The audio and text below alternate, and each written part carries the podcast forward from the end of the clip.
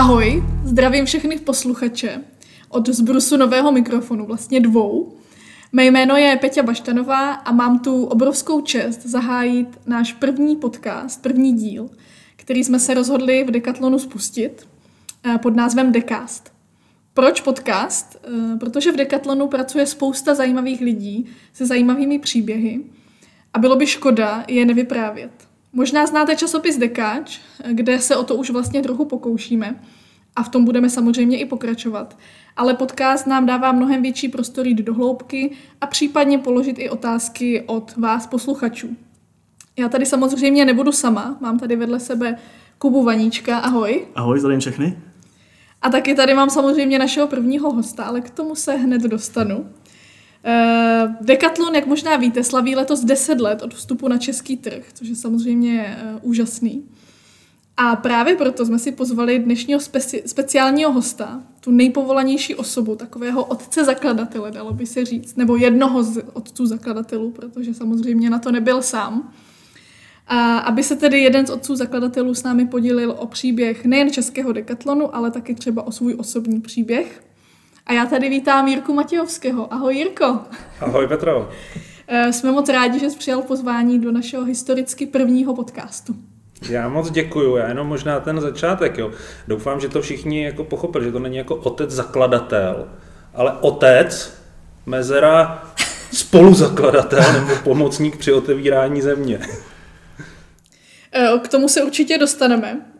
A možná teda na začátek, jestli bys řekl jenom pár slov o sobě, takové jako krátké intro. Krátké intro.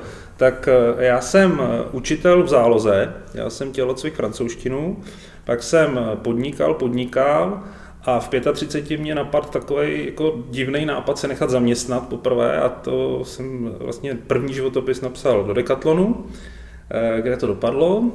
Tam jsem vlastně už 11 let, takže to je tak jako stručně o tom, co jsem, co jsem dělal. Já myslím, že se asi dostaneme trošku do detailů. Super, určitě. Takže teďka už tušíme, že tady máme osobu, která už je v Decathlonu hodně dlouho a protože jsi tady hodně dlouho, tak uh, si tě nejdřív vyzkoušíme trošku. Protože jsme sportovní firma a ke sportu patří rozcvička. Takže ti položíme pět krátkých otázek a pokus se na něco nejrychleji a co nejstručněji odpovědět. Věřím, že budeš úspěšný, protože kdo jiný by na to dokázal odpovědět správně. Tak jo, jsi připravený? Je to krásný, takhle se střelit jen na začátku. tak jo, první otázka. V jakém roce byl založen Decathlon ve Francii? 1976. Správně. Kde bychom našli nejstarší prodejnu Decathlonu na světě? Uh, u Lille v Anglo. Správně. Kolik kolegů máme celosvětově? Uh, přesný číslo úplně nevím, ale je to přes 90 tisíc. Mm-hmm, v pořádku. Kolik z nich pracuje v Česku? 1612 k mm. prvnímu září. Mm-hmm, tak máš aktuálnější čísla než, než my, v pořádku. A kdy vstoupil Decathlon na český trh? 28. října 2010. Krása, takže to máme vlastně všechno správně, tam tu, uh, to číslo těch domácích kolegů asi můžeme odpustit. Jde, jde vidět, že jsme si pozvali opravdu správnou osobu. Děkuji vám. Kvalifikoval ses do dalšího kola. Uf. No dobře, tak uh, eh, 1976, to už je, to už je pár let zpátky. Uh, tušíš, Jirko, jak vůbec vypadal ten první obchod? No, Když se otevřel? Uh, úplně ne, jako u toho jsem nebyl. Za prvé tehdy mi byly tři roky, jestli se nepletu, vlastně méně, vlastně dva roky. A, takže moc jako jsem to nevnímal, za druhý v té době jsem moc nedalo cestovat, takže jsem ho úplně takhle live neviděl, viděl jsem ho samozřejmě na fotkách a je zajímavý vlastně, že tehdy byl ještě modrý Decathlon, a vlastně dneska jsou bílí, eh, takže to je ta jedna velká změna, ten příběh, třeba se k němu dostaneme, jak to vlastně vzniklo. Mm-hmm. Myslíš jako modrý, jako celá ta budova? Celá ta budova byla modrá, Já nevím, jestli znáte ten příběh, jestli to jste slyšeli vyprávět. Já si myslím, že vím, ale necháme si to vyprávět od tebe. no, eh, já to znám od eh, Matěje Leclerca vlastně, který tady byl v Praze před nějakýma třema, čtyřma rokama a vlastně to bylo tak, že Michel Leclerc, zakladatel, skutečný zakladatel Decathlonu, eh, byl se podívat v jedné prodejně eh, v Jižní Francii. V té době prostě jako koncept byl eh, modrý obchody, bílý logo a on přijel a najednou viděl bílý obchod. No tak byl úplně, prostě, co se to děje, jenomže prostě pro Michela vždycky bylo důležitý proč. Takže šel za tím ředitelem a řekl, nechal si vysvětlit, jako teda proč to bylo. A ten, ten klučina tehdy eh, mu prostě řekl, no hele Michele, víš co, ten, ten, to je taková tmavší modrá, ona tady na jihu prostě furt svítí sluníčko a prostě v tom v klimatizace tehdy jako nebyly běžný, že jo. Takže v tom obchodě bylo opravdu vedro, no tak my jsme se rozhodli prostě to změnit, takže jsme natřeli naš, naší prodejnu na bílo a od té doby jsou bílí, bílí prodejny. Super, Super. takhle rovnou, rovnou do praxe to zavedli. Vezva. No tak možná se tě zeptáme teda, kdy ty si poprvé vůbec eh, přišel na Decathlon, nebo jak tě napadlo vůbec do Decathlonu poslat životopis, jak jsi říkal, kde jsi ho možná viděl poprvé? Vůbec? Já jsem, eh, já si pamatuju, já jsem si koupil, eh, teďko vlastně mi to teprve napadlo, že první věc, první boty jsem si koupil v Decathlonu v centru Paříže a, a tam, to jsem byl poprvé, když jsem jezdil stopem po Francii, ale to jsem ještě úplně nevěděl, jako co, to, co to vlastně je.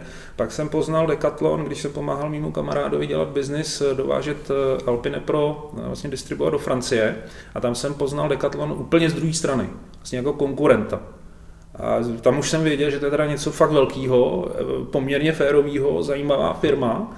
No a když jsem jako nějak začal v jednu, v, jednu, v jednu etapu života uvažovat, eh, že bych změnil z toho podnikání něco jiného, tak vlastně jsem takhle se dostal k Decathlonu. Mě to napadlo, sport, Francie.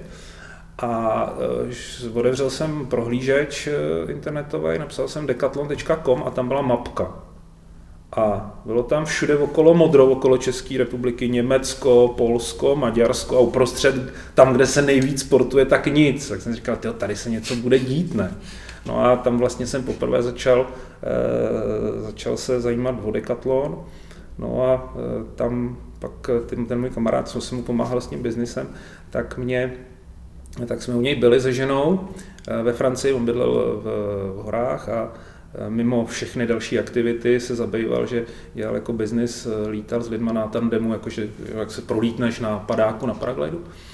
A takže jsme u něj byli, byli jsme tam lyžovat a Jean-Claude jako jeden jedno ráno říkal, hele, on věděl, že hledám Decathlon a on říkal, hele, já jdu, já, jdu, já jdu lítat, mám tam asi 8 letů, celý den jsem zabukovaný, takže jsme šli s Háňou lyžovat a v poledne telefon Jean-Claude. Říkal, hele Jiří, tomu nebudeš věřit. Teď se mnou letěl Fabrice Eh, což je čerstvě jmenovaný country leader pro otevření Rumunska a mám tady pro tebe kontakt na Grega Lurdela, který bude odevírat Českou republiku. No, takže takhle vlastně jsem se dostal jako z té myšlenky a z toho, že asi se tady něco bude dít, tak eh, takhle jsem se dostal k Decathlonu. Tak tomu se opravdu říká přitáhnout si to, na co člověk myslí. Že Jít tomu štěstíčku naproti. Tak. to je krásná, krásná Krásný. Jaký byl tvůj první dojem, když jsi do té prodejny vstoupil tenkrát před těmi lety? Pamatuješ si to? Um, myslíš jako už jako když jsem eh, jako zaměstnanec, myslíš? Myslím úplně jako první kontakt s Decathlonem. Ale já řeknu úplně na rovinu ten kontakt tehdy, když jsem si koupil ty boty eh, v Paříži, tak si to moc nepamatuju. Jo. Ale řeknu ten můj první dojem vlastně už teda jako profesně, mm-hmm. když jsem, protože já jsem 30. Eh, března tady podepsal v Praze smlouvu, sedl jsem do letadla, a, nebo, no, a vlastně někdy 1. dubna, 2. dubna jsem tam přišel do prodejny, eh, kousek od Lil. A ten můj dojem byl jako, možná to bude znít jako kliše, a asi se o tom budeme bavit, ale prostě hrozně lidský. Já jsem tam během chvilky se cítil prostě jako úplně v pohodě, neměl jsem problém se někoho na něco zeptat, věděl, pocítil jsem, že prostě ty lidi eh, najednou nějak mluvíme stejným jazykem, nebylo mi, bylo mi tam prostě normálně, jo, a to jako jsem vlastně najednou se odstnul v cizí zemi, v úzovkách, eh, sice jsem francouzský uměl, ale prostě během hodiny prostě, hele, pojď, jdem na kafe. tak jsme šli na kafe, jako kdyby jsme se tam znali. Mm-hmm. Mm-hmm. A myslíš, že právě tohle je to, co stojí za úspěchem Decathlonu, že je to vlastně rodinná firma? Nebo si myslíš, že spíš je zatím úspěchem to sportovní zaměření, že, že prostě Decathlon pokryl nějakou třeba díru na trhu? Teď já myslím, že jsi to řekla všechno. já si myslím, a věřím v to, že to, že Decathlon je rodinná firma, je strašně důležitý, protože vlastně od té doby, kdy eh, Michel Leclerc založil Decathlon, tak eh, je pořád postavená na stejných principech. Trošku se jako malinko třeba upravují, ale spíš se dochází k nějaké jako úpravy na základě zkušeností, než že by se nějak změnil úplně směr. A tahle vlastně více než 40 letá kontinuita, to si myslím, že dává obrovskou sílu, má to obrovský pevný základy, čili to je jedna věc. A druhá věc je vlastně, vracím se k tomu, k tomu zážitku z toho prvního dne eh, v tom betunu, ve Kerle betun, eh, je ten lidský rozměr. Ale to zase je spojený s tím, co vlastně ten Michel dal hodnoty, eh, vlastně ten smysl do vínku té firmě, tak to si myslím, že je to, co je zatím, že ta firma takhle funguje. Že to prostě lidská firma. No a ten sport, eh, já si myslím prostě, že sportovci se vždycky domluví. uh, už vlastně víme, co Decathlon prodává, to asi, asi vidí všichni uh, naši posluchači. Ale ty jsi to teďka vlastně nakousnul. Jak funguje Decathlon vevnitř pro své zaměstnance? Jaká je firmní kultura? Uh, mně se líbí uh, vlastně to spojení Eh, my jsme měli doteďka ty dvě hodnoty, vitalita a zodpovědnost. Jo. A mně se tohle strašně líbí. Proč? Protože vlastně té vitalitě vidím prostě fakt jako ten, eh, ten drive, to prostě jako ty, ty, ty ulítlí lidi svým způsobem na jedné straně, ale na druhé straně zodpovědný, na druhé straně prostě jsou si vědomí, že tady samozřejmě jsme proto, aby jsme e, prostě tady si zablbli, udělali, udělali nějaké jako nové věci, ale zároveň přemýšlíme, že vlastně furt je to business, a tahle ten balans si myslím, že, že je hrozně důležitý. To znamená, to, ta energie tvořit, jít dopředu, vymýšlet nové věci, odevírat nový prodejny eh, a, a zároveň ale prostě se občas zastavit a říct si jako jo, dává to smysl, eh, jde to dobrým směrem, eh, uživím se, uživím to své oddělení, uživím tu firmu, takže ten balans mezi tím jako tím drivem a tou zodpovědností za ten výsledek si myslím, že je to, co, to, co je, to, co je za tím, za tím úspěchem. Hmm. Takže to vlastně platí pro náš podcast, že jo? Taky. Uh, rozhodně, jednoznačně. Mně to samozřejmě nedá, když už si nakousl ty hodnoty, protože myslím si, že ty hodnoty jsou pro Decathlon hodně specifické, nebo já aspoň neznám žádnou jinou firmu, která by prostě eh, byla založená na takhle silných hodnotách. A je potřeba říct, ty zmínil dvě hodnoty, ale že teďka čerstvě máme ještě dvě nové, tak jestli bys možná řekl něco k ním. Pokud se nepletu, je to velkorysost a autenticita. Tak eh, co ty si pod nimi představuješ, co pro tebe znamenají? Uh, jedna je vlastně staronová, protože tu, tu velkorysost jsme tady vlastně před pár lety měli. Ty dvě první hodnoty, o kterých jsme mluvili, ta, ta zodpovědnost tady opravdu těch 40 let od začátku, když Michel, nebo vlastně od té doby, kdy se začalo mluvit o hodnotách.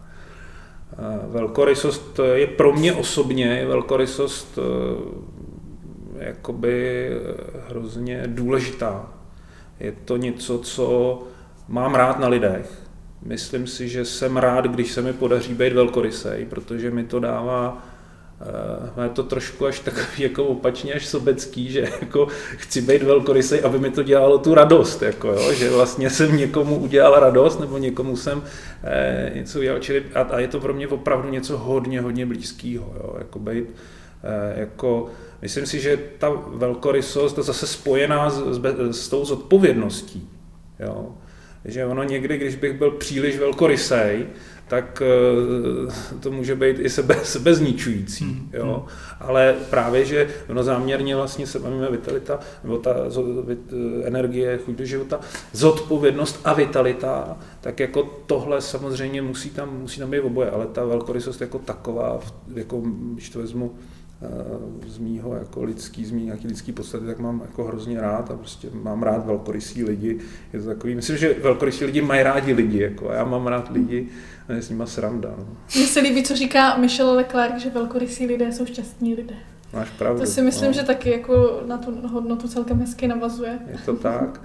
No a pak eh, vlastně ta autenticita, Eh, sama víš, pracovali jsme na tom společně, autenticita, opravdost, byl to velká diskuze, nicméně, co se zatím vlastně skrývá, eh, vím, že bylo jeden čas, eh, bylo mezi hodnotama vre, jako opravdový, skutečný. A myslím si, že to jako je trošku navazuje, navazuje na to. A myslím si, že tohle zejména v dnešní době si myslím, že je to dobře, že ta hodnota jako je vlastně najednou na povrchu, že je prostě daná k dispozici 90 tisícům jako lidí, protože uvědomění si to, že eh, jako někdo vlastně mě vyzývá, jako teď myslím Decathlon, mě vyzývá k zamyšlení se nad, nad tímhle. Je v dnešní době si myslím, že strašně důležitý, když se máme okolo sebe, jsme masírovaný prostě reklamama, filmama, nějakýma e, seriálama, já nevím čím všichni, novinama, e, a najednou jako možná je čas se zastavit a říct si, co jsem vlastně já, a teďko nebát se,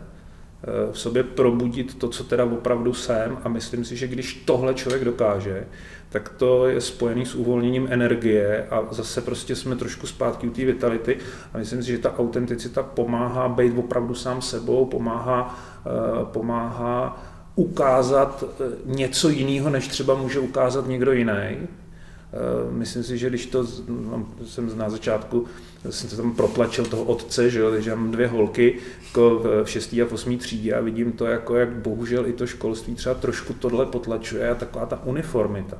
Takže takový to, jako, že eh, se nebudu bát ukázat, co ve mně je, ať je to cokoliv, protože to je jedno, co to je ale eh, když se to pak dá dohromady v těch 90 tisících lidí nebo v těch 16 těch lidech v České republice a z každý vytáhne ze sebe něco, co prostě je pro něj specifický, něco, v čem je dobrý, tak dohromady je to obrovská síla. Takže mm-hmm. proto ta autenticita se mi moc, moc líbí. Mm-hmm. V Česku máme kolem 16 zaměstnanců teda. Myslíš si, že právě ty hodnoty jsou to, co nás jako drží pohromadě všechny? No, myslím si, že jo. Byť to, byť to jako možná pro řadu lidí třeba zvenku zejména bude vypadat jako kliše. Ty jsi to, Peťo, vlastně na, před chvílí říkala. Eh, myslím si, že jsme opravdu, neříkám jediný, protože neznám všechny firmy a jako nemyslím si zase, že jsme úplně jako jedny sami, sami na té planetě, ale jsme určitě jedni z mála, kdo se minimálně snažíme, ale myslím si, že to opravdu ten přesah do toho skutečného našeho fungování ty hodnoty má. Že to není něco, co je napsané na eh, stěně a že se o tom mluví jenom první den, když člověk přijde do firmy. Ale eh, víte sami, že když nabíráme lidi, tak nabíráme podle hodnot. O to je to těžší.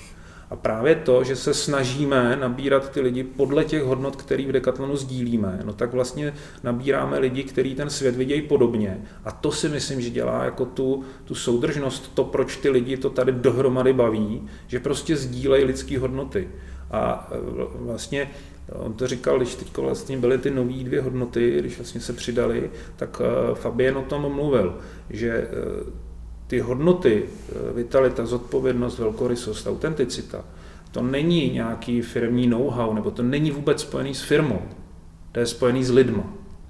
Jo? A to vlastně je jakýsi eh, determinant, něco, co určuje, prostě, jaký bychom chtěli, aby v té firmě byli lidi. A protože to bereme vážně a protože podle toho ty lidi opravdu nabíráme, no tak možná, že to se vracím k tomu betunu, když jsem tam přišel, tak to je možná ten důvod, proč vlastně mi tam bylo normálně mezi těma lidma.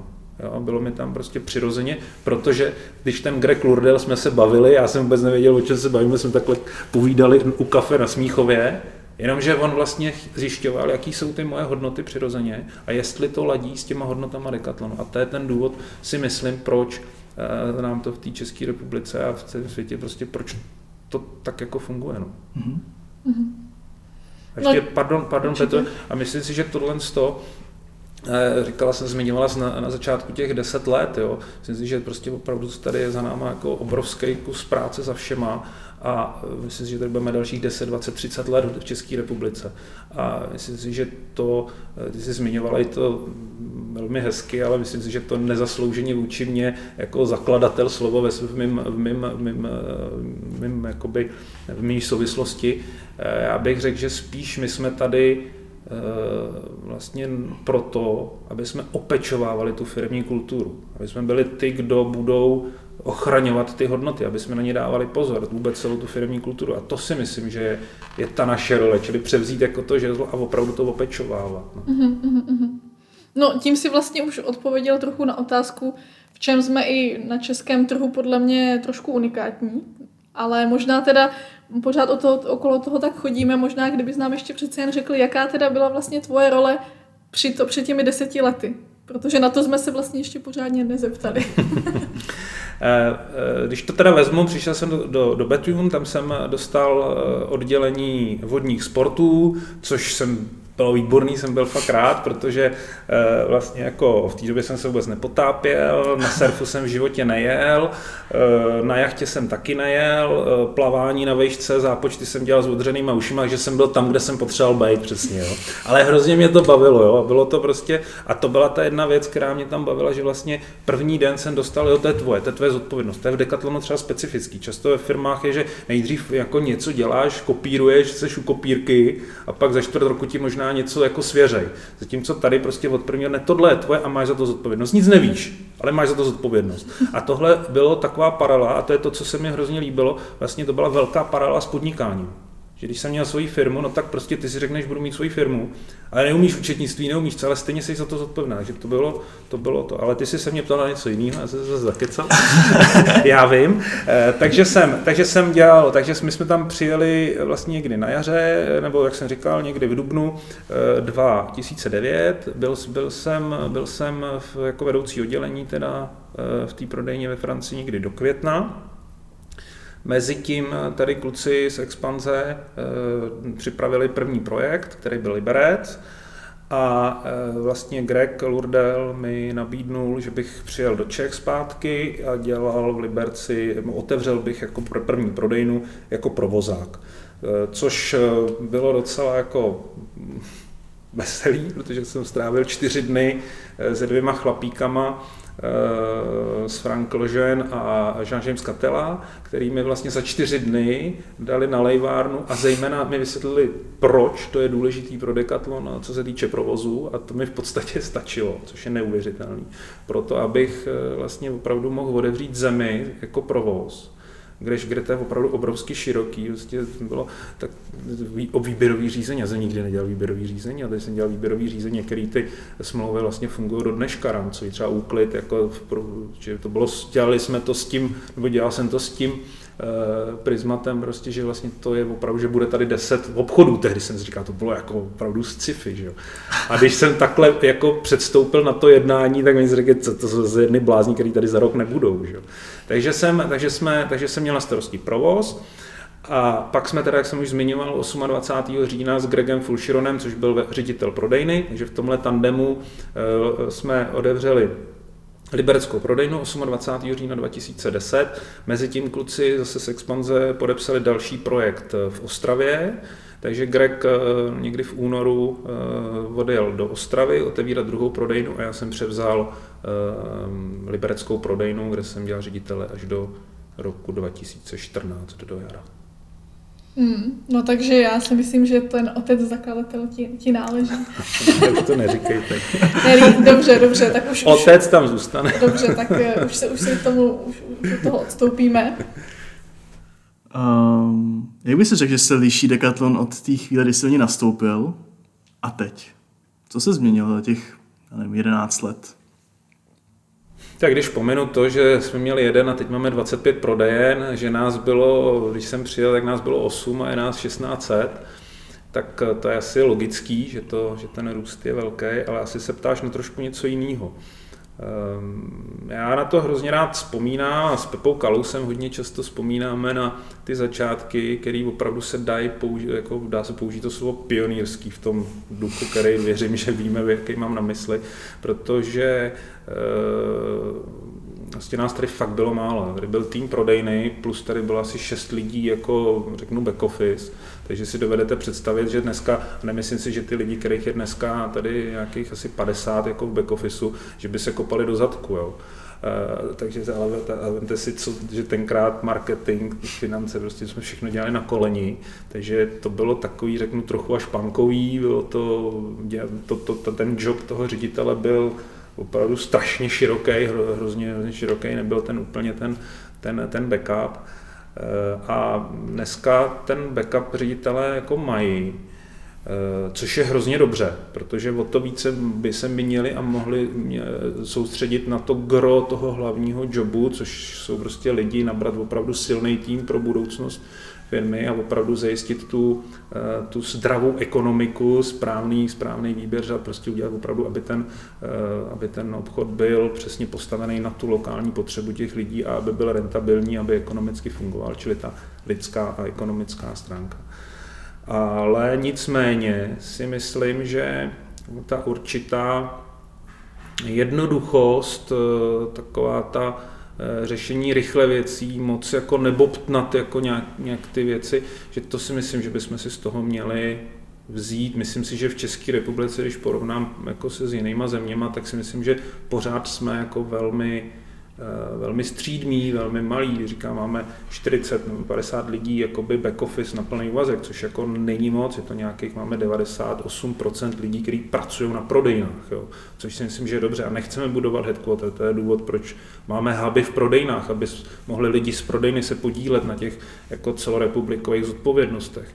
Eh, takže si myslím, že to tady máme, ale nesmíme na to zapomenout, na, tu, na, to, na ten pionýrský přístup, někdy prostě nesnažit se, aby jsme dělali nějaký složitý, strukturovaný, těžký věci. Jde o to, aby jsme byli reaktivní, rychlí, a to, to bylo přesně v tom začátku. Myslím si, že ty prvky teď během toho jara COVID se ukázalo, že to byla naše obrovská revize, že jsme rychle uměli zareagovat eh, reaktivně, zainvestovat. Prostě teď je potřeba, tak teď neřeším, jestli je sobota, půlnoc nebo co, prostě teďko jedu, dělám.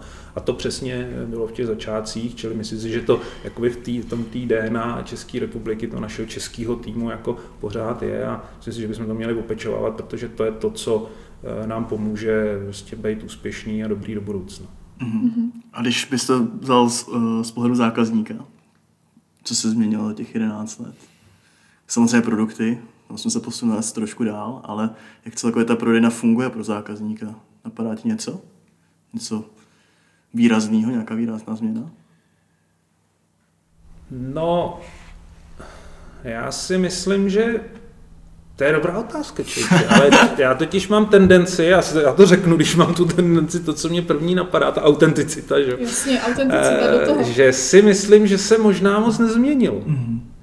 Protože, eh, a zase, tady, my tady nejsme proto, aby jsme měnili eh, ten koncept dekatlonu, ten je daný a ten funguje. A funguje výborně, funguje 40 let a vlastně my jsme tady proto, aby jsme ho aplikovali a na tom hřišti, abychom prostě, abychom přizvali další lidi, který tenhle projekt bude zajímat. To je naše zodpovědnost a aby jsme prostě byli rentabilní a aby jsme byli soběstační, aby jsme si mohli vydělat na, na další budoucí projekty. Jo. Ale eh, ten koncept tady je, a já si myslím, že to základní, to, že e, prostě ta, e, přijde člověk do prodejny a jako prostě ten základ vystavení je rychlá prodejna, to znamená, že si rychle najde, pokud chce, tak rychle najde a, mě, a pracujeme na tom a všichni na tom pracují na prodejnách, aby prostě opravdu ty základy vystavení, které máme, tak vedly k tomu, aby si rychle zákazník a samostatně vybral. E, myslím si, že pořád jako u nás jsou lidi, kteří mají rádi zákazníky a který rádi pozdraví, nicméně budu trochu kritický a myslím si, že bychom v tom, aspoň já bych byl rád, abychom v tom byli lepší, abychom opravdu, aby se nestávalo to, co si pamatuju, že Greg Fulchiron, první ředitel vlastně v České republice, Eh, byl úplně divej, když eh, jako viděl, že někdo, když se zákazník zeptal, prosím nás, kde máte badminton a když prodavač ukázal rukou tamhle vzadu, tak mu přes tu ruku přetáh, protože v Decathlonu se to nedělá. V Decathlonu prostě jdu s tím zákazníkem, dovedu ho do toho, do toho oddělení, cestou si s ním povídám a už zjistím vlastně, co potřebuje koupit. Pokud můžu, tak mu pomůžu, poradím a e, případně, když nevím, tak zavolám kolegu, který ten badminton umí. Čili tohle to bohužel často vídám ty, ty ukazováčky, které směrují zákazníka přes celou prodejnu. Z toho je mi smutno trochu, protože když jsme to uměli před deseti lety, proč bychom to neměli umět dneska? Takže tady jsem si dovol trochu kritiky, ale já si myslím, že to se mnou většina lidí, většina lídrů bude souhlasit, že bychom chtěli a společně se k tomu rádi vrátili a věřím, že se k tomu vrátíme takže jinak jako si myslím, že pořád ale je tady spousta lidí, kteří prostě s úsměvem vítají zákazníky, vystavení prostě vede eh, ty zákazníky k tomu výroku, který chtějí, takže tam si myslím, že že, to, že se moc nezměnilo. Myslím si, co se změnilo, je, že v tom, 90, v tom roce 2010 Prostě vím, že první reakce lidí, když přišli do Liberce a viděli ty ceny flízka za 119 korun, vedle byla ty ceny prostě všechny do 500 korun. Říkali, ty, a, že to vystavení, který, co si budeme povídat, jako je takový velký obchod, čili není to nějaký super vydesignovaný obchod, eh, protože ten design a to, to, co dává to hezký tomu naší, naší prodejně, jsou ty výrobky sami a naši lidi tak, eh, tak eh, tenkrát říkal, Ježíš, co to je za větnamskou tržnici. Omlouvám se eh, jako Větnamcům, protože větnamský tržnice se dají koupit super věci, kor v sapě, ale jako asi víme, o čem mluvíme a, a to si myslím, že se změnilo, protože dneska prostě všichni, nebo všichni asi ne, ale hodně lidí Decathlon zná. A co si myslím, že se změnilo a co je super, že mají Decathlon lidi rádi. Čili ten náš projekt stát se nejoblíbenějším sportovním sportovní značkou. Já, já miluju tenhle projekt, protože to není o biznise, to je prostě o vztahu. Mm-hmm. Takže to si myslím, že se změnilo, že si myslím, že čím dál tím víc lidí a výrazně víc lidí, kteří mají Decathlon rádi, než v tom roce 2010. Mm. Jsme pořád stejný, ale prostě nějak si k nám lidi našli cestu. Tak. a teď, teď krásně na to navazuje, nebo eh, i tak trochu neguje ta další otázka, protože ty jsi teď Decathlon, nebo ne neguje, krásně jsme Decathlon vychválili, my tady rádi pracujeme. Dokážeš si vůbec představit, že bys pracoval někde jinde, kdybys nepracoval v Decathlonu? Nebo kde by to případně bylo? Tak rozhodně řeknu, že se si dovedu představit a nebudu jako zase říkat, že ne, nicméně jako to neplánuju rozhodně a jako jsem tady fakt rád. A dovedu si představit, že tady budu dalších deset let nebo ale co, kdybych, kdybych nebyl v Decathlon, tak já jsem jako podnikal, zase jsem byl, jako byl jsem v obchodě, eh, pak jsem měl firmu jako na firmní vzdělávání, která dneska pořád funguje, my jsme se akorát jako ve velmi dobrým rozešli a šel jsem vlastně do Decathlonu s tím mým parťákem. Takže svým způsobem dneska, co dělám, vlastně, mám zodpovědnost za školení v Decathlonu, tak to zase je to, co jsem už dřív dělal, že nejdřív obchod. Takže to mě baví, mě, já jsem si vždycky měl, jsem si říkal, jako, eh, co bych dělal, říkal mít hotel, jako, jo, ale vím, že to je hrozný mazec. Myslím si, že zrovna, jako, že, to, že ta strategie, to jako, že jsem do toho nešel, tak jako zrovna teď se ukazuje možná docela dobrá. I když v regionech, jako zase Češi zůstávají, jako v Praze hotel není úplně, ale jako já bych stejně asi směřoval někam nahory, takže, takže možná, a jako zase to trošku je s tím, že jsem ten sobec, který chce mít ty lidi, kteří jsou spokojení a vidět ty spokojení a tam v tom, jako v tom ubytování a v tom, eh, to mě baví, jako no, vidět ty lidi spokojení, když Eh, když, prostě jim uděláte dobře, když se dobře najedí, když prostě to je čistý a hezký a usmějete se na ně. Tak. Takže možná někde v nějakých službách jako zase spíš jako dělat radost lidem. Super. To je krásný. Jirko, mě by zajímalo ještě, když se vrátíme do té Francie, jaké to bylo pro tebe pracovat v neznámé zemi. A ještě obzvlášť by mě zajímalo, protože představuju si, že tvoje žena tam šla s tebou ano. Tak by mě to zajímalo i tady z toho rodinného hlediska, jestli to není tajný. Tajný to není a přiznám se, že to není úplně nejveselější jako část našeho života. Aj, tak uh, co ne, uznáš ne, za ne, není, jako takhle, spíš neřeknu veselější, vždycky, takhle já, já, já mám humor rád a snažím se vždycky to překlopit jako do, do humoru, myslím si, že dneska už to je v té rovině, se tomu jako zasmějem. Ne, proč to říkám, protože to fakt nebylo úplně jako jednoduchý. My jsme vlastně měli Andulku, tý bylo 8 měsíců, máje byly necelý 3 roky a e, vlastně téměř ze dne na den jsme se vlastně sebrali a odstěhovali jsme se do Francie. No a víte, jak to v Decathlonu je, když děláte v prodejně, no tak to je prostě víkend, e, odcházel jsem v 8 z domova, odvezl jsem Máju do školky, e, a přijel jsem v 7, když to dobře dopadlo, tak jsem se v poledne stavil doma. No, tak a teď Hanka s těma dvěma prckama, ona nemluví francouzsky, nebo v té době nemluvila francouzsky, mluvil anglicky, zase francouzi nemluví anglicky. Tyjo, jako myslím si, že jako fakt Háňa tam eh, jako obdivují a vlastně byla hrozně statečná, že to dala, protože to nebylo, nebylo, nebylo úplně jednoduchý. Eh, ale pak, pak už, pak už jsme se přestěhovali, jak to bylo, by jsme se vlastně vraceli, jako že se vrátím, že ten deal s Gregem byl, že pojedu do Francie, se naučím, co je Decathlon, abych to know-how jako při, přines a že, že kluci developmentu otevřeme v obchod v Praze, že my jsme v tu dobu ještě, bych to dokreslil, tak my jsme přestavili jako naše bydlení tady kousek za Prahou, dodělali jsme to, jsme říkali, to super, a odjeli jsme do té Francie. že jsme tady nechali dům, že prostě přijde. Jsme se vrátili, no a tam mezi tím právě bylo to, že cíl byl, že se vracíme a jednou jako ten Greg mi říkal, jako, že mám pro tebe výbornou zprávu, eh, budeme odevírat eh, prodejnu v Liberci. Říkal, no dobře, jak se mě to týká? No ty tam budeš dělat provozáka. Takže jsem přišel domů v té době, když jsme byli v té Francii, že jo, říkám, Hani, pojedeme, budeme se stěhovat do Liberce, že jo. Takže to bylo takový, ale nakonec Liberec byl úplně luxusní. Ten Tady se dobrý. možná hodí říct, zdravíme Jirkovou ženu Hanku. jo, myslím si, že to už je, už je to dobrý. Ale nebylo to jednoduché. Já, já ještě, jestli máme prostor, tam je jako jedna taková zkušenost, kterou jsem udělal a kterou, která by mě v životě nenapadla. Možná, že jste slyšeli, když se mluví o dětech v zahraničí, že prostě, hele, to je super příležitost. Jako dítě v zahraničí super naučí se jazyk. A Marušce byly necelý dva roky. Její první zkušenost se školkou byla ve Francii. Začala chodit do školky ve Francii. A e, vlastně nám se stala opravdu taková jako zvláštní věc, že ona tam opravdu ráno mi říkala, tetínko, budeme se mluvit bavit francouzsky, protože to potřebovala, aby si řekla o, o svačinu, že chce jít na základ, že opravdu, a ona docela se naučila fakt hezky eh, povídat francouzsky. Nicméně, asi dva roky potom, prostě Hanka byla na pumpě, Han, holky zůstanou v autě a najednou má brečela a ne, mami, já jdu s tebou. A najednou, když už vlastně jako měla eh, to v hlavě tak srovnej, že to uměla jako formulovat, tak řekla, no já se bojím, abyste mě tady nenechali jako tenkrát v té Francii. Wow! A najednou mi to došlo všechno. Že vlastně pro ní, že ona vlastně s tím strašně bojovala. Že ona, protože v těch třech letech ona už uměla mluvit, velmi dobře se v češtině vyjadřovala, my jsme ji vzali a dali do, do, do prostředí, který jako intelektově nemohla pobrat, ale najednou, proč mi všichni, proč mi nikdo nerozumí?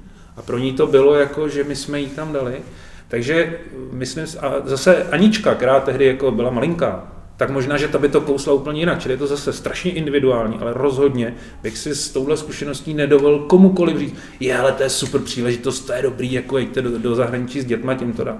Takže byl bych v tom patrný v tomhle. Možná jsem trošku moc zafilozoval, ale je to jako fakt velká zkušenost, za jako kterou jsem z toho měl a musím říct, že ten okamžik, kdy to tenkrát Mája řekla, uh, ne, my jsme moc rádi určitě, že jsi to zmínil, protože myslím si, že to k té práci v Decathlonu nebo práci jak eh, celkově patří taky tady ty příběhy, takže to jsme moc rádi, že jsi to s náma sdílel. Vlastně jsi říkal, že se původně eh, počítal s Prahou, jestli jsem to správně pochopil. A to vlastně navazuje naše další otázka, jestli v té realizaci staly nějaké překážky. Asi teda Praha padla a zvolil se Liberec, tak to byla třeba jedna asi z nich možná. Pamatuješ si ještě nějakou další překážku, která, nebo nějaký náročný úkol, který jste před sebou měli uh, při otevírání vlastně nové země a prvního obchodu? Eh, no, ono, eh, v podstatě jako pravidlo developmentu je, že musíš otevřít hlavní město.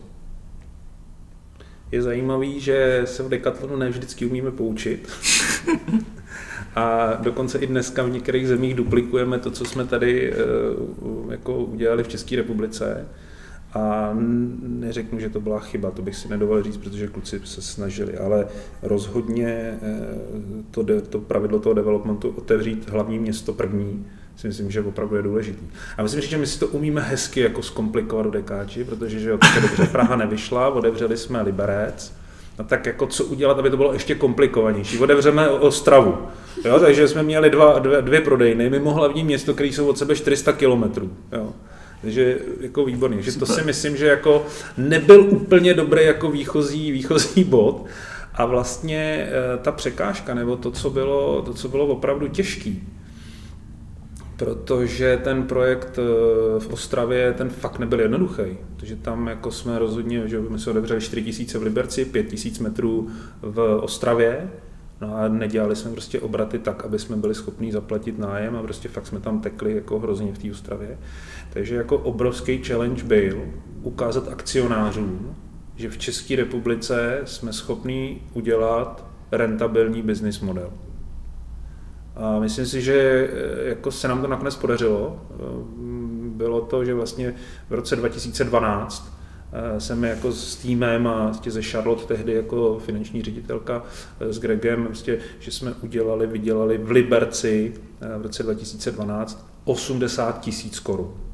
A to si myslím, že jo, úsměv, hmm. ale jo, bavíme se, když se bavíme prostě v číslech, který víme, který dneska jako děláme, tak ale pro, myslím si, že to bylo udělat, aby potvrdit akcionářům, že v České republice umíme prostě vést prodejnu, která je rentabilní a e, jako Petr tady sedí za tebou vlastně z finančního týmu a zrovna jsme před chvílí se bavili o těch finančních věcech.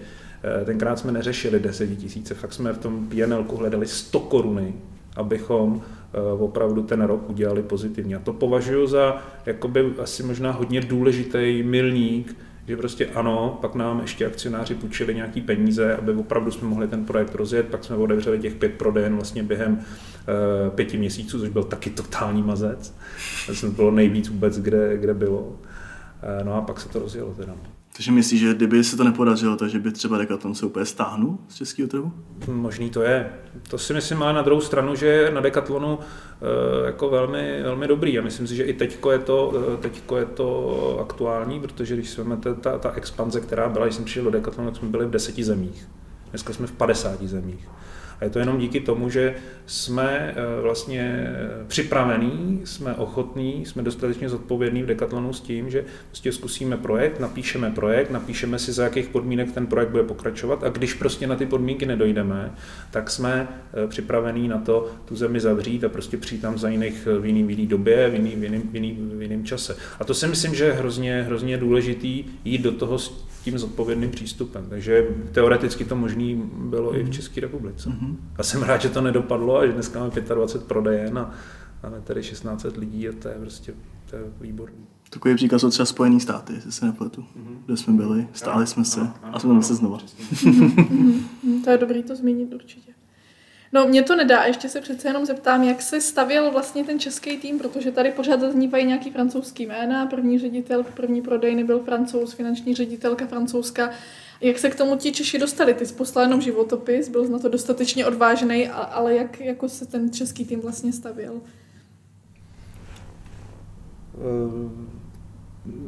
Je dobrý, že vlastně cílem není Decathlonu v té zemi prostě postavit francouzský nebo jako mezinárodní jako týmy. Myslím si, že nebo je to důležitý ve chvíli, kdy nám chybí určitý know-how. Jo? Dneska třeba prostě ne, jako máme tady Maxe, máme tady Servana, který nám opravdu pomáhají a, a co je ale důležité, že oni se snaží předat českým lidem to know-how tak, aby vlastně do budoucna a cílem je, aby třeba v budoucnu eh, tady prostě opravdu se spolu podíleli, což je, což eh, jako vlastně s příchodem RVho tak bylo, že se prostě podílíme jako Češi na, eh, na vedení firmy a to je dobře. Čili jako cílem je... Jenom možná pro zavedení posluchačům, že RV je náš CEO ano, České republiky. Ano. A, a e, takže vlastně i v těch začátcích, takže cílem je, aby prostě tady byli, byli Češi silní, silní, silní lídři, silní Češi. A e, to vlastně bylo normálně prostě Greg Fulcheron, který já jsem měl na starosti ty popelnice, že jo, a, ten, a, a, ty, a, a ty klimatizace a, a tyhle věci, ty provozní, první pomoc a tak. A Greg měl na starosti lidi. Takže ten prostě stejně tak jako dneska nabíráme, když odevíráme e, nějakou prodejnu, tak, tak ředitelé nabírají, tak on nabíral prostě Čechy, akorát, že na to otevření země nabíral o něco dřív, protože bylo potřeba aby odjeli třeba do, do jiné země, protože tady se nedalo jako to nikde naučit. Dneska prostě pošlete člověka do vedlejšího města, tam se naučí a pak eh, jde otevřít prodejnu. Tenkrát to nešlo, protože tady jiná prodejna nebyla. Takže takhle se, takhle se nabíral první mančat. To něco dřív akorát, ale jinak úplně stejně podle těch hodnot samozřejmě. To dává smysl. No a teda, teď se dostáváme k trošku zabavnější části. Nějaký bizárek, historka z natáčení, z otevírání eh, první prodejny? No, může to být ještě před otevřením. Může, může. Je to spojený právě přesně s tím, co jsem povídal. Eh, je, že vlastně skupina, skupina lidí, eh, kteří byli nabraní dopředu, tak vlastně nejblíž k nám bylo Polsko, takže vlastně část kluků odjela do Polska, do Bělany Vroclavské, a tam vlastně pracovali. Jo? Pracovali, no, tím pochopíš přesně tak, jak jsem byl já e, roka čtvrt ve Francii, což bylo dlouhá doba, tak oni tam byli třeba na dva, na tři měsíce, aby se naučili, aby chápali fungování, aby se naučili ty základní věci, které měli přinést. A e, Michal Žitňan, nevím, jestli si ho někdo vybavujete, jestli nás, Michale, e, posloucháš, tak nevím, jestli tě děláš ve Škodovce, ale moc tě zdravím. No a e, že to myslím, že to tehdy dělal na e, týmovkách, jestli se nepletu. A e, právě nabíral nějakého nového klučinu v tom Polsku, že jo, a česko-polsky. Jo, no. A teďko on přišel, ten klučina, tak uh, Mich, Michal, tady máš toho novýho, tak jako Michal, jo, pojď, pojď, pojď tady a pojď ramínko, protože tehdy ještě se fakt ramínkovalo skoro všechno, teďka už jako vše, hodně toho chodí ze, ze, jako z, z karu a skaku uh, na ramínkovaný, tehdy opravdu prostě se ramínkovalo všechno. A to byla taková dost nezávadná, záživná práce. Takže on ho vzal, že jo, a pojď ramínkovat a pak domluvíme nějaký ty věci. A teďko ten, chlap, ten, ten borec nějak tak jako divně koukal, a pak se zjistilo, že to je zákazník. OK. takže, takže Žito jako byl schopný zaměstnat ty zákazníka. no tak to je ale jako, to jen tak někdo neumí. Přesně tak, přesně A tak. dělal to nebo, nebo se spíral? no tak jako chvíli byl asi jako, jako že se nech si nechal líbit. Jako, že to byl jako rázný a on byl jako, jako veselý chlap, veselý borec, takže No ale pak teda jako ho obsloužili. Já věřím, že je věrný zákazník ještě do dneška, jsme ho odradili od Decathlonu. Já bych možná ještě slyšeli jsme zkratky KAR a KAK, možná by stalo za toto vysvětlit. KAR je vlastně regionální sklad a KAK ano, je kontinentální ano, a který nám zásobují vlastně prodejny. Pro posluchače, kteří tak. to třeba netuší, tak, tak eh, řekneme. Já děkuji, že jsi to zmínil. No a ještě jsme se tě vlastně vůbec nezeptali, jaký je tvůj oblíbený sport, nebo při čem relaxuješ nejradši. Nemusí to být nutně jenom sport. Asi sport, který mě dělá úplně nejvíc radost, že mě to jako jsou běžky. To jako mám rád, to mě fakt baví. Jako běžky mě hodně baví. Vůbec jako zimu, já jsem hodně dlouho pracoval eh, ve Francii na horách, jako celý zimy se tam trávil, takže, takže jako zima a vůbec jako lyžování, snowboarding, telemark eh, mě fakt baví hodně. Eh, kolo mě baví, hodně jsem jezdil, na kole jsem jezdil na průmce hodně, Občas se vydám teda i na nějaký cesty, jsme s kámošem byli, když nám bylo 40, což už má nějaký pátek, tak jsme zopakovali po 20 letech cestu do Anglie na kole, takže kolo mě moc baví. Eh, spíš teda takovéhle věci, hory miluju, konečně po dlouhé době, teď jsme byli s Háňou v Rakousku, jsme byli na, na, na Vilčpici v Rakousku, jsme tam lezli, takže to mám moc rád. A ty hory asi, když to, ten, ten relax takový, ono to je teda, já vím, že z těch hor vždycky přijde člověk jako zrubaný, ale jako vnitřně, vnitřně nabitý, že ty hory mi dávají, jako to mě, to mě baví. A ten relax eh, je zajímavý, to je zajímavá myšlenka, protože si myslím, že jako eh, no, už jako nějaký pátek jako mi je a zjišťuju, že opravdu je to trošku jiný, než to bylo. Nechci dělat ze sebe starého dětka, ale zjišťuju, že možná bych se tím relaxem měl víc pomal, jako zabývat. Že jako zjistil jsem, že to, čím člověk stárne, tak jako ten, ten efekt je, že pomalej se re- regeneruje. Takže myslím si, že bych měl začít pomalu se zabývat tím, jako jak občas opravdu zarelaxovat. No. Mm-hmm. Ty jsi říkal ještě, se tomu možná trochu vrátím, že jsi strávil uh, léta na horách. To bylo ve Francii nebo, nebo ano, já jsem tam pracoval pro jednu cestovní kancelář, mm-hmm. vlastně staral jsem se tam o lidi, tam jsem trošku, tam jsem čuchnul k tomu, co jsem říkal, ten hotel a tak jako starat se o, aha, o lidi mě baví. Vlastně téměř 10 let, nejdřív ty první roky jsem tam jezdil třeba na dva týdny, ale poslední roky jsem tam trávil od ledna do dubna celou sezónu. No. Mm-hmm. V, v, v Savojsku, v Horní Morien, nádherný místečko. Mm. Moc rád se tam vracím. Takže myslíš, že ten hotel by byl třeba tam, kdyby si za nějaký založil? Nevím, možná. uvidím. Než půjdu do důchodu, jak si vezmu akci a uvidím, co s nimi akci provedu. Třeba to na ten hotel dá. tak potom samozřejmě, když dáš všem eh, zaměstnancům Decathlonu adresu, tak budeš mít postarat o zákazníky. to už, a to už se vyplatí. a to už se vyplatí. Eh, a když jsme se teďka ještě tak vrátili zase k Decathlonu, eh, k zaměstnancům, k českému Decathlonu, jak vidíš budoucnost možná Decathlonu v Čechách a myslíš si třeba, že je rozdíl mezi českým a francouzským Decathlonem v tomto ohledu? Uh, Myslím si, já už jsem to trošičku zmiňoval, že tady opravdu jako jedeme ten projekt hrozně na lehko. Jo, že máme mal, malý, jako, malý back office, nemáme nějaký nabobnalý prostě jako kanceláře někde mimo, to, to, že, to, že se přesouváme co nejblíž tomu zákazníkovi, proto jsou ty huby na prodejnách, aby prostě jsme mohli pracovat a vidět ty zákazníky, vidět to, co se děje a rychle reagovat. Jo. Čili eh, myslím si, že ta rychlá reakce je to, co nám pomáhá být úspěšný v tom českém projektu. Myslím si, že třeba v té Francii dneska eh, to tam takhle jako není, že tam možná ta centralizace, která probíhala v určitém období, tam trošku zůstala. Takže to si myslím, že je, že je trochu rozdíl. Eh, a jak vidím Decathlon do budoucna v České republice, no, vidím výborně. Vidím výborně, myslím si, že teď máme, eh, máme takový docela jako důležitý období, protože sami víte, teď za poslední roky jsme odevírali pět prodejen ročně, rostli jsme, co se týče počtu zaměstnanců, plus 30-40% meziročně, což byl hrozný mazec.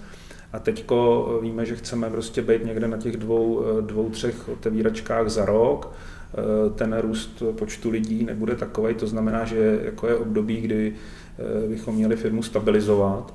Eh, možná právě proto teď jsem že převzal eh, tu roli školení, protože to bude hodně důležitý, opravdu se věnovat tomu školení, propojit to s tím smyslem, se základama a tak, aby jsme měli opravdu, aby ty lidi byli eh, perfektně sladěný s těma opravdovými základama, a, aby, a protože víme, že 40 let ten koncept, ty základy fungují a to je díky čemu prostě se ten dekatlon drží a ten koncept je vynikající tak to je to, co potřebujeme, aby ty lidi opravdu věděli, znali a duplikovali. No když tohle se nám podaří, tak eh, tady máme, jak jsem už dneska teď jednou zmiňoval, na 20-30 let zase jako co dělat. No. To mi přijde, že jako a furt je to lidský projekt, takže jako pro lidi, kteří to budou vidět podobně, sportovci, kteří sdílejí stejné hodnoty, tak uh, si myslím, že tady je prostě prostor pro spoustu dalších stovek, možná i tisíc lidí, Eh, do budoucna a tím pádem i desítky tisíc spokojených zákazníků. Mm-hmm. To jsi nám krásně odpověděli na další otázku, na čem aktuálně pracuješ. To byla krásná, přihrá, to byla krásná přihrávka. Jako to, jo, na modrou. je to, uh, je to, doufám, že ne do offside, už to nebude. Ne, to bude ještě povolený.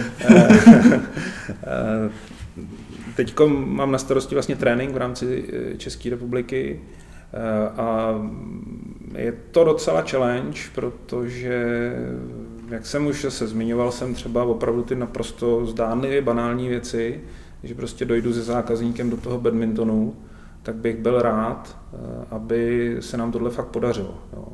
Jako řeknu, nemá cenu se bavit o nějakých složitých prostě e, tvorbě strategií, když neumíme zákazníka pozdravit. Jo, já se vrátím do roku 2008, kdy jsem se poprvé potkal s Gregem Lurdelem, country lídrem, který odevíral Českou republiku, kde ještě tady vůbec nic nebylo, ani kanceláře. Potkali jsme se v kavárně eh, v Novém Smíchově. Eh, tak eh, vlastně tehdy jsme se bavili, já jsem že říkal o mě a on mi říkal o Decathlonu a tehdy mi říkal, že Decathlon je firma, kde pracují sportovci, kde pracují sportovci, který umějí pozdravit zákazníky, který umějí pomoct zákazníkům. A já jsem tehdy mu říkal, ty tak jestli tohle chceš zavést v České republice, tak u toho chci být. A nebylo to úplně jako, bylo to dost jako optimistický, dost jako řeknu, protože v té době tady jako opravdu ten zákaznický servis byl jako na nule. No a vlastně asi za dva roky, nebo za nějaký dva, dva a půl roku, jsem stál v Liberci jako ředitel prodejny a jsem najednou zjistil, jak je to těžký přesvědčit ty lidi, aby pozdravili. Hmm. Ale na druhou stranu, když to máte, když s tomu věříte, že tohle je ono, co chcete dělat, tak toho dosáhnete. Jo. A vím, že pak prostě, jako když začali chodit lidi, ty hele, deka, a po Liberci si říkali, Decathlon, to je ten pro, obchod, kde, se, kde zdraví zákazníky. No tak to vám pak udělá radost. Takže tím se vracím k tomu, že eh, když opravdu se zaměříme na věci, kterým věříme, který víme, že v Decathlonu fungují, a budeme to těm lidem předávat, a budeme v tom nároční, prostě, že takhle je dekatlon a neukazuje se prstem, běžte tamhle, tak věřím, že toho dosáhneme. Já vlastně můžu říct nějakou vlastní osobní zkušenost, že vlastně uh, jsem díky Decathlonu začal i jinak vnímat tu zákaznickou zkušenost jako zákazník v jiných obchodech. Prostě, protože jsem byl nějak vyškolený, nějak jsem si prošel taky tou integrací do, do uh, práce na prodejně, tak potom, když jdu někam jinam a tam vidím ty otrávené obličeje a, a žádný pozdrav, žádná pomoc pro zákazníka, tak taky si úplně z toho mnohem víc to vnímám, než, než, právě, než právě dřív. a nedej bože, když pak jdeš něco reklamovat, že? No, to se mi zrovna teď podařilo a dopisuju si s jedním nejmenovaným žlutomodrým potravinářským řetězcem a, a moc jako pro, pro zákaznický nejsou. Na závěr našeho premiérového dílu jsem si připravil takovou otázku. My sice máme nějaký svůj seznam hostů, které bychom rádi tady viděli uh, u mikrofonu, nicméně chceme dát prostor i našim hostům, aby nominovali někoho do podcastu. Kdo by to byl za, tebe? Těžká otázka. Těžká otázka, protože těch fakt zajímavých lidí je tady 1612. A nemůžu tady vyjmenovat a zase, kdybych řekl jméno, tak Eh, na někoho zapomenu. Nicméně, jako úplně spontánně, co mi vytanulo na mysl nebo jméno, eh, protože se bavíme těch deset let dekatlonů a když si vzpomenu na ty začátky, tak eh, mě napadne Pepa Kalous, který určitě bude mít ještě víc těch veselých historek z natáčení, nejenom z Liberce ze startu, ale z Ostravy, kde opravdu těch historek bylo hodně, tak, tak Pepa Kalous mě napad. To by mohlo být hezký, si myslím. Pepa Kalous teda už byl v našem časopisu Rekáč, kde se taky podělil o, o své příběhy, ale myslím si, že se na ten náš seznam určitě dostane. E, jednoznačně. Tak jo, tak my moc děkujeme, Jirko, za tvůj čas. E, bylo nám ctí, že jsi přijal pozvání. Já vám moc krát děkuju. Mně je ctí, že jste mě pozvali do tohohle nově rodícího se e, projektu a opravdu držím vám palce a je to boží, je to součást Decathlonu, opravdu přijít s něčím a něco zrealizovat, takže vám za to moc děkuju a budu se těšit na další díly. Moc děkuju. Díky ještě jednou, my se taky těšíme a doufáme, že se těší i naši posluchači a že budou poslouchat i příště. Já taky doufám. Nezapomeňte nás sledovat na sociálních sítích, na Facebooku Decathlon Česká republika či na Instagramu Decathlon.cz, kde se dozvíte kromě našich typů na zajímavé produkty, eh, typy od expertů, tak také upozornění na nové díly, kde budete mít možnost se zeptat i našich hostů na nějaké zajímavé otázky. Eh, nezapomněl bych ještě na časopis Dekáč, eh, který najdete na našich prodejnách a na webu decathlon.cz, kde opět přinášíme zajímavé příběhy našich, našich kolegů i produktů. Od mikrofonu se loučí jako Vaníček a Petra Baštanová.